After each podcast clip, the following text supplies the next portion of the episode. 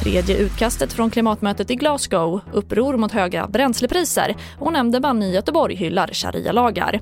Ja, här är TV4-nyheterna och vi börjar med att det tredje utkastet från klimatmötet i Glasgow är klart och nu sitter Sveriges delegation med miljöminister Per Bolund tillsammans med övriga närmare 200 länders representanter och granskar dokumentet för att bromsa den globala uppvärmningen. Och vår reporter Anneli Megner Arn är på plats i Glasgow. Nej, men till exempel så finns här ett förslag för hur rikare länder ska kunna finansiera fattigare och drabbade länders eh, hur de drabbas av klimatförändringarna. Till exempel att man ska kunna bygga vallar mot översvämningar.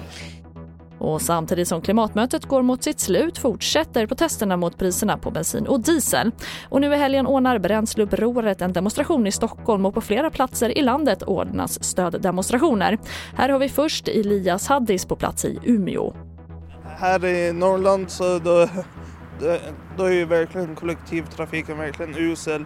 Då är det jätteviktigt att ha bil. Jag förstår definitivt den eh, oro som finns. Eh, men enda vägen framåt det är just att kunna ställa om och göra det möjligt för alla som är bilberoende att framöver kunna färdas hållbart. Eh, det är det som är framtiden.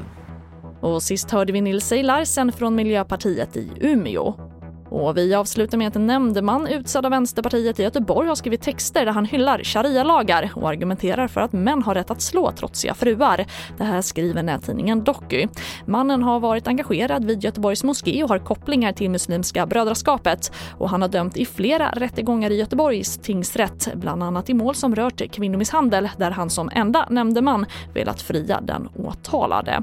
Och det var det senaste med TV4 Nyheterna och fler nyheter hittar du alltid på vår sajt tv4 4.se. Jag heter Charlotte Hemgren.